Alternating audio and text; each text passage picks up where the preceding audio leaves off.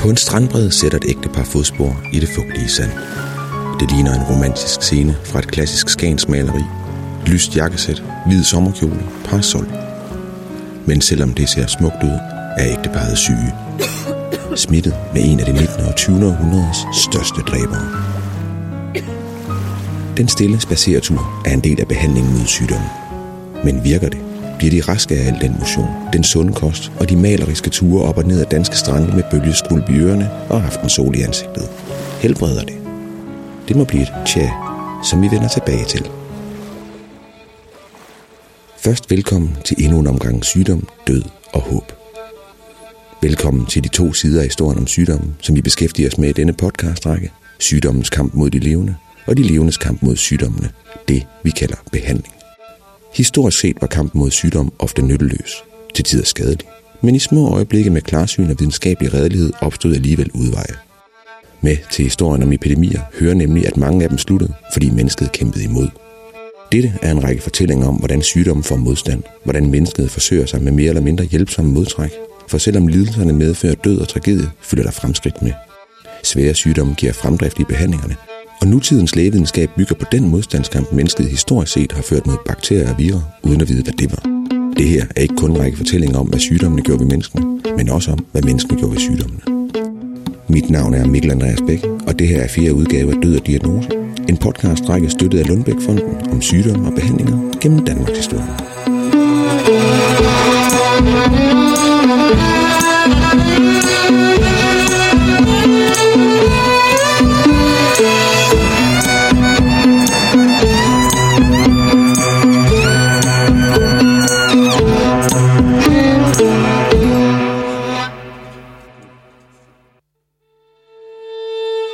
Dagens gæst er en sygdom, der er godt med i det absurde kapløb om, hvilken lidelse, der gennem tiderne har slået flest mennesker ihjel.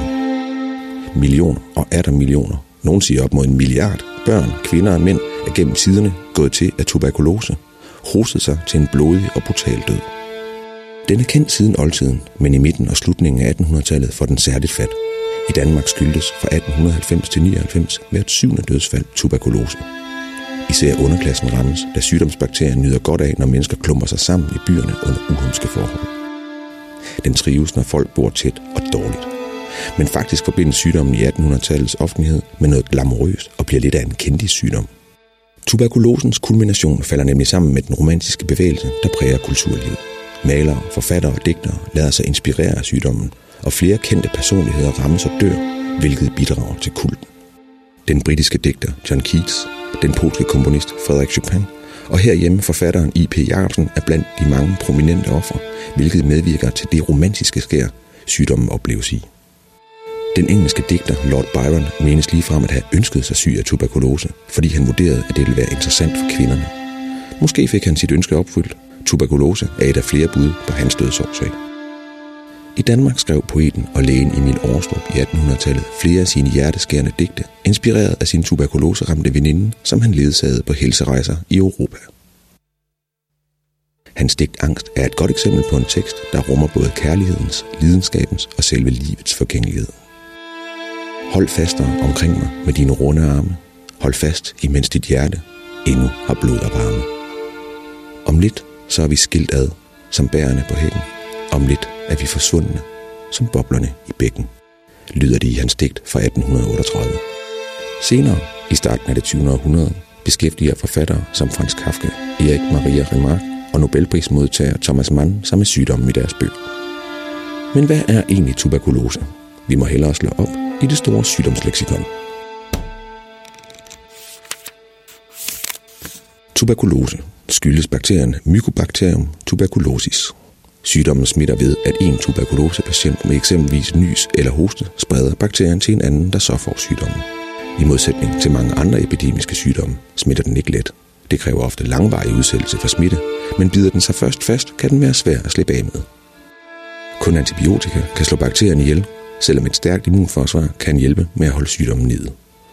Oftest sætter tuberkulosen sig på lungerne, og patienten begynder at mærke træthed, får feber, kulderystelser, svære brystsmerter, vejrtrækningsproblemer og hoster til sidst blod op. Den syge taber sig, bliver bleg og hulkindet. Langsomt æder sygdommen lungerne op, og patienten enten kvæles i eget blod eller af mangel på luft, altså en snigende og pinefuld død, der står i skærende kontrast til ryget som såkaldt romantisk dræber med en stille visten, der slipper sjælen fri. Men tilbage til spørgsmålet om, hvorvidt den friske luft, den sunde kost og lyden af bølgeskuld hjælper de tuberkuloseramte. Det kan museumsinspektør Adam Benkhardt fra Medicinsk Museum svare på. Død og diagnose sygdomsreporter David Peppe Birk møder ham på et af de steder i Danmark, hvor tuberkulosen stadigvæk spørger. Hvor er vi hen? Vi er på Vesterbro. Lige lidt længere nede af gaden, der ligger et af Europas største fikserum for narkomaner. Stiknarkomaner er en gruppe af, øh, af folk, som stadigvæk dør af tuberkulose. Er man i den tunge ende af skalaen? Er man, øh, lever man et liv, hvor man, man øh, ikke har god mad, og hvor man, ens krop er udsat, jamen så kommer tuberkulosen ofte og rammer. Det er, det er en sygdom, som vi har levet i et, øh, i, i ligesom et nært forhold til nærmest altid. Øh, og så er det en, en, en, en af de epidemiske sygdomme, som fylder meget både i dag, i, den er stadig en stor del af, af, af det epidemiologiske landskab, og så er det en sygdom, som har en øh, som, som historisk set ligger lidt tættere på os. Det er ikke sådan noget pest, der foregik i, i 1300-tallet eller sådan noget. Der er i slutningen af 1800-tallet en, stor bølge af tuberkulose, og man anslår, at hver tredje dødsfald blandt dem, der er mellem 15 og 64, det er tuberkulose. Så det er samfundsmæssigt omfangsrigt problem.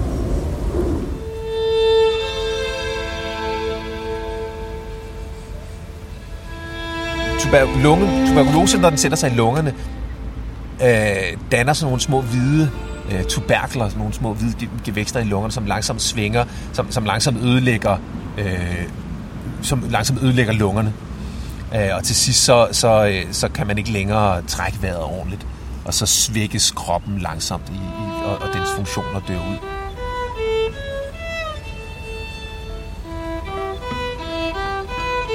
Det er jo et samfund, som som er igennem de første store faser af industrialisering og urbanisering og på vej mod altså ligesom hvor, hvor, hvor, hvor storbysamfundet har udviklet sig med alt, hvad det indebærer af, af, af, af overbefolkning og af dårlige øh, øh, sanitære forhold og de dårlige levevilkår, der oftest er for de fattige i, i storbyerne. Så, så øh, ligesom med alle mulige andre sygdomme, så, øh, så er tuberkulose jo en, en, en sygdom, som rammer ekstra slemt for dem, der har det ekstra hårdt.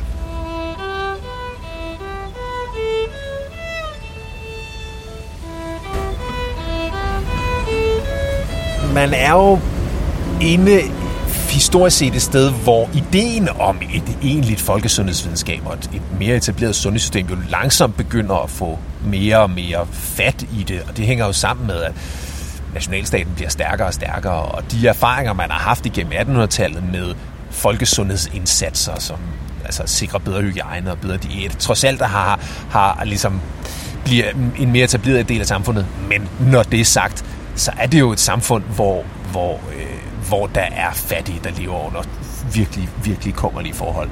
Øh, og, og, øh, og, og har man penge, så kan man få, og har man ikke nogen, så dør man, ikke?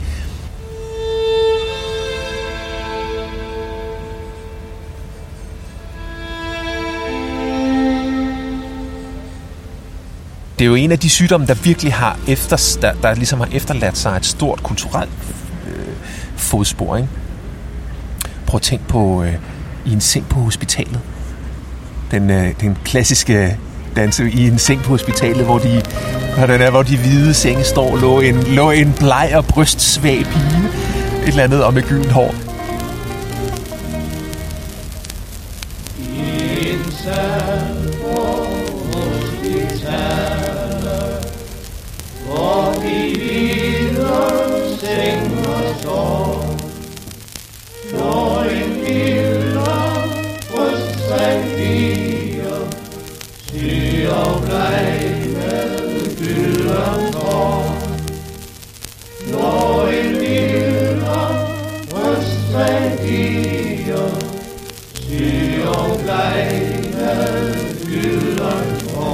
Som, jo er sådan en, en, en sådan klassisk dansk sang, som, som, øhm, som jo handler om tuberkulose, og handler om en pige, der ligger og dør i en seng, og som gerne vil hjem til sin mor, men, men øh, som, som langsomt falder hen. Men, men, men som jo også øh, øh har en, en, en, en patos og en romantisering, og hun ligger der som en lille engel, og, og, og de står alle og græder rundt om hendes leje, og, og du, der, er sådan en, der, der, er sådan, der er sådan en, øh, øh en, en, øh, en romantisering af den der sygdomstilstand. Og jeg tror, altså, der er en masse forskellige, både historiske og, og, og lægevidenskabelige årsager til, til, til, hvor det kommer fra. Men først og fremmest tror jeg ikke, man skal undervurdere, at, at netop modsat mange andre epidemiske sygdomme, som, som er voldsomme, fornedrende og smertelige, så er tuber- tuberkulose jo mildere i gåseøjne end, altså det, det er, det er en, en øhm, det, det er, altså, for eksempel, det, det, når vi har jo snakket om kopper for eksempel, ikke? En af de årsager til, at folk synes kopper var ekstra streng, det var jo ikke bare, at man døde af det. Det var, at hvis du rent faktisk overlevede, så var du ligesom socialt hæmmet i kraft af, din, af, af kæmpe arring resten af dit liv. Ikke? Så døden i en verden, i en verden, hvor døden er mere tilstedeværende, så er tuberkulose en relativt mildere måde at, at gå ud på.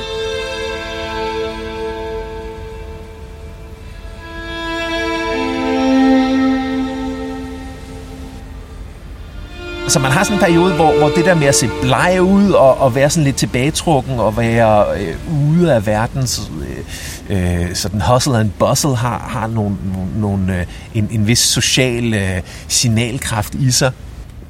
Altså der er jo sådan en, en, en, en forestilling om, at der er noget særligt yndefuldt eller noget særligt kreativt ved at, ved at, at, at have tuberkulose. Ikke?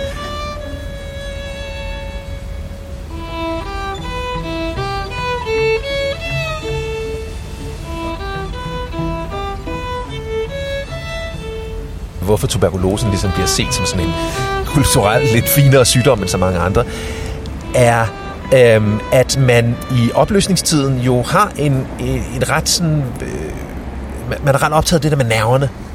Nerver og nervøsitet og nerveenergi og sådan noget. Øhm,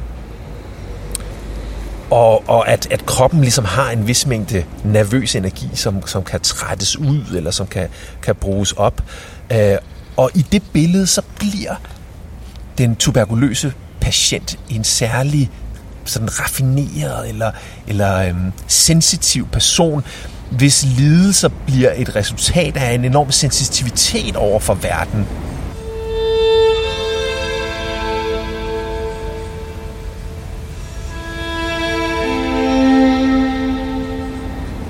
Man, man kan selvfølgelig sige, at det, at det kan også betragtes som en slags en, en, en, en kulturel overlevelsesmekanisme for at, at forklare en sygdom, som rigtig mennesker har haft, og, og som rigtig mange mennesker har, har været død af. Men, men det er så nogle, nogle, nogle billeder på, hvordan forståelse af sygdom hænger sammen med kulturmønstre, hænger sammen med den måde, man, man, øh, man lever på i øvrigt, og hænger sammen med det, de, de billeder af, hvad det vil sige at, at være menneske, og hvordan forholdet mellem mennesker og kulturen står, øh, øh står til.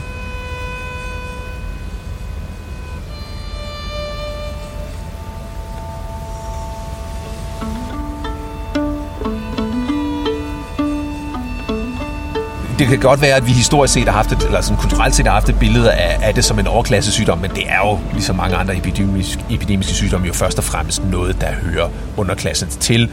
Den hersker der, hvor man bor dårligt, der, hvor man har øh, bor tæt, der, hvor man bor med dårlig sanitet, der, hvor man spiser dårlig mad.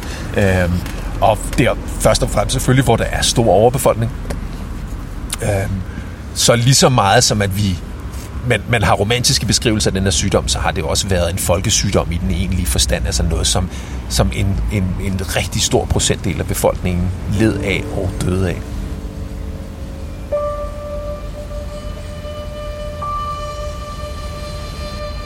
Den klassiske folkesundhedsoplysningskampagne, som vi kender den i dag fra alt til, øh, til at man ikke må tekste øh, når man ikke bruger sin telefon, når man kører bil til, øh, til 80'ernes indsatser mod HIV og AIDS og så videre. Altså, den, den har jo nogle af sine rødder i, i eller den har en, en, en vigtig gennemslagskraft omkring netop tuberkulosen, hvor, hvor øh, der er over alle de vesteuropæiske samfund blev etableret lungeforeninger, Øh, de hedder lungeforeninger senere hen, men starter alle sammen selvfølgelig med, med, med tuberkulose som deres udgangspunkt, som, som, øh, som bliver ophavet til kæmpe store, storstilede kampagner om, at man ikke må gå, og, og man skal være forsigtig, når man hoster, og man ikke må spytte på gaderne, og, og at man ligesom skal, skal være bevidst om, at man som smittebærer er smittekilde.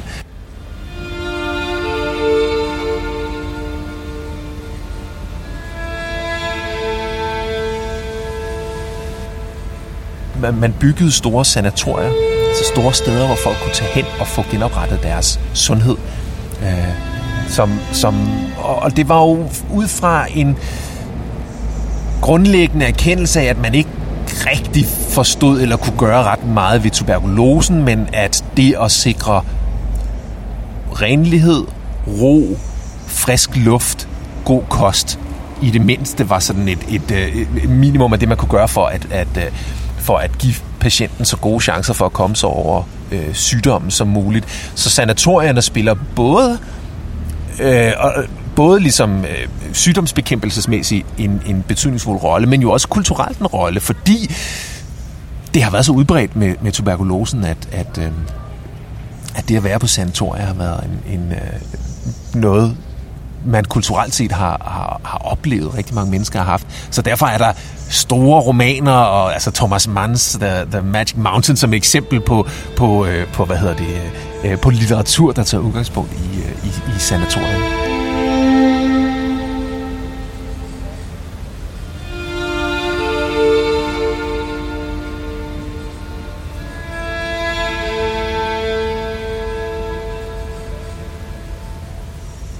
Et sanatorie er et, en stor bygning, der ligger i naturskønne omgivelser langt væk fra byens ja og, og, øh, og fortættede forhold. Øh, det ligger i den friske luft, gerne i bjergene eller ved havet, hvor der er, hvor, hvor der er så meget øh, så meget, ja, så meget frisk luft øh, som muligt. Det er ordnet forhold, det er, øh, hvad hedder det, øh, øh rene laner, det er god landlig kost.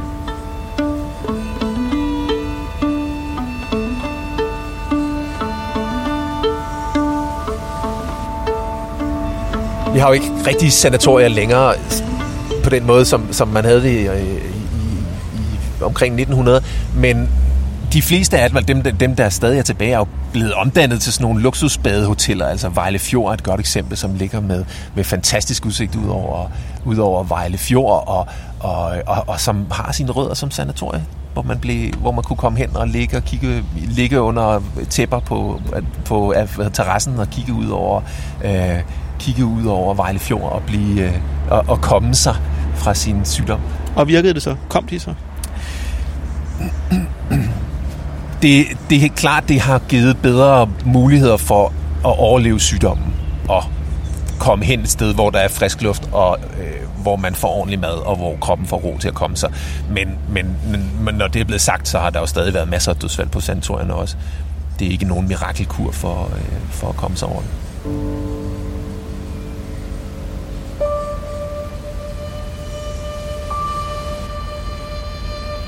allerede sådan omkring 1870'erne frem efter, så begynder man at øh, arbejde med tanken om også at behandle fattige patienter på særlige hospitaler og sanatorier, altså opbygge ligesom et, et mere offentligt sundhedssystem, hvor, hvor, hvor også fattige kan få lov til at, at, øh, at komme på sanatorier, når de har fået tuberkulose. Og i 1905, der, øh, der laver man en, en, en altså noget sådan social politisk lov omkring tuberkulose, hvor man afsætter et beløb på 100.000 kroner årligt til at oprette og drive sanatorier til øh, fattige patienter. Så, så, så på den måde fortæller tuberkulosens historie jo også noget, et stykke social historie, at man omkring 1900 tænker det i stigende grad som statens ansvar også at tage vare på de fattige, øh, på de fattige patienter i, i, øh, og, og deres behandling. Ikke? Så selvom der sikkert har været kvalitetsforskel på, øh, på de rige sanatorier og de fattige sanatorier, så, så, øh, øh, så, så griber man aktivt ind og laver sanatorier, også for de fattige patienter.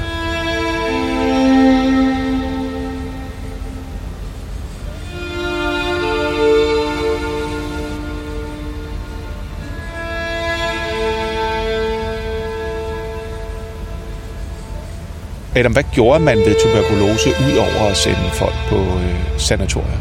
Hvad gjorde en læge, som tilså en tuberkulosepatient? Øhm, Udover anbefalinger af sådan, altså diæt og livsstil og sådan noget, øh, så, så, øh, så havde man ikke så meget at gøre. Men en af de behandlinger, som, som man faktisk har haft, og som har været øh, relativt udbredte, det var, at man øh, fra, øh, hvad hedder det, øh, fra slutningen af 1800-tallet faktisk brugte øh, en aktiv kollaps af lungen som behandling. Man, man stikker en nål ind gennem siden, og så langsomt øh, fylder man fylder man øh, øh, fylder man op mellem mellem øh, øh, mellem ydersiden af lungen og, og, og lunge og, og, og, og ribbenene. Og så på et tidspunkt, så, så, øh, så, så kollapser lungen, så flader den sammen. Øhm, og og øh, man kan sagtens leve med en kollapset lunge, øh, og, og der var en vis empirisk belæg for, at det kunne afhjælpe eller øh, stanse sygdom, så man udviklede specialudstyr til simpelthen at, at kunstigt kollapse øh, lunger som behandlinger mod svære øh, tuberkulose øh, tilfælde. Det gjorde man helt op til 1940'erne, indtil antibiotika, antibiotika tog over som, som, øh, som gængsbehandling mod, øh, mod tuberkulose. Ja, tuberkulose er et globalt sygdomsproblem. Man anslår, at der dør i nærheden af 2 millioner mennesker på verdensplan af, af tuberkulose øh, hvert år. Cirka en hver tiende sekund.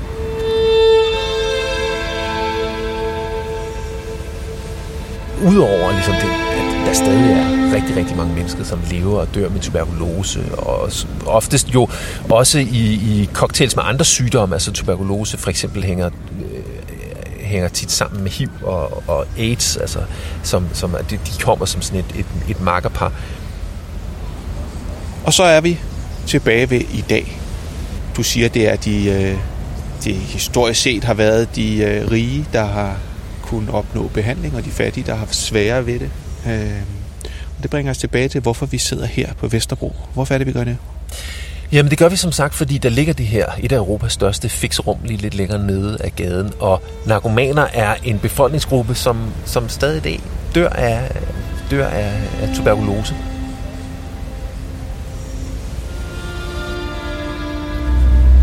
Altså fikserummet her er jo et, et godt eksempel på, at tuberkulose jo stadig hænger sammen med, hvor socialt og sundhedsmæssigt udsat du er.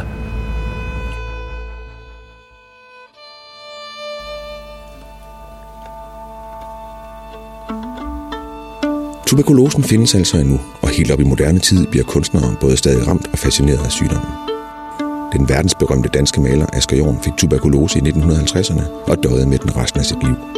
Spionforfatteren John le Carré og filmmageren bag Ringenes Herre, Peter Jackson, er blandt de mange, der kunstnerisk har beskæftiget sig med sygdommen. Men dengang som nu er det dog mest de socialt udsatte grupper, der rammes hårdest.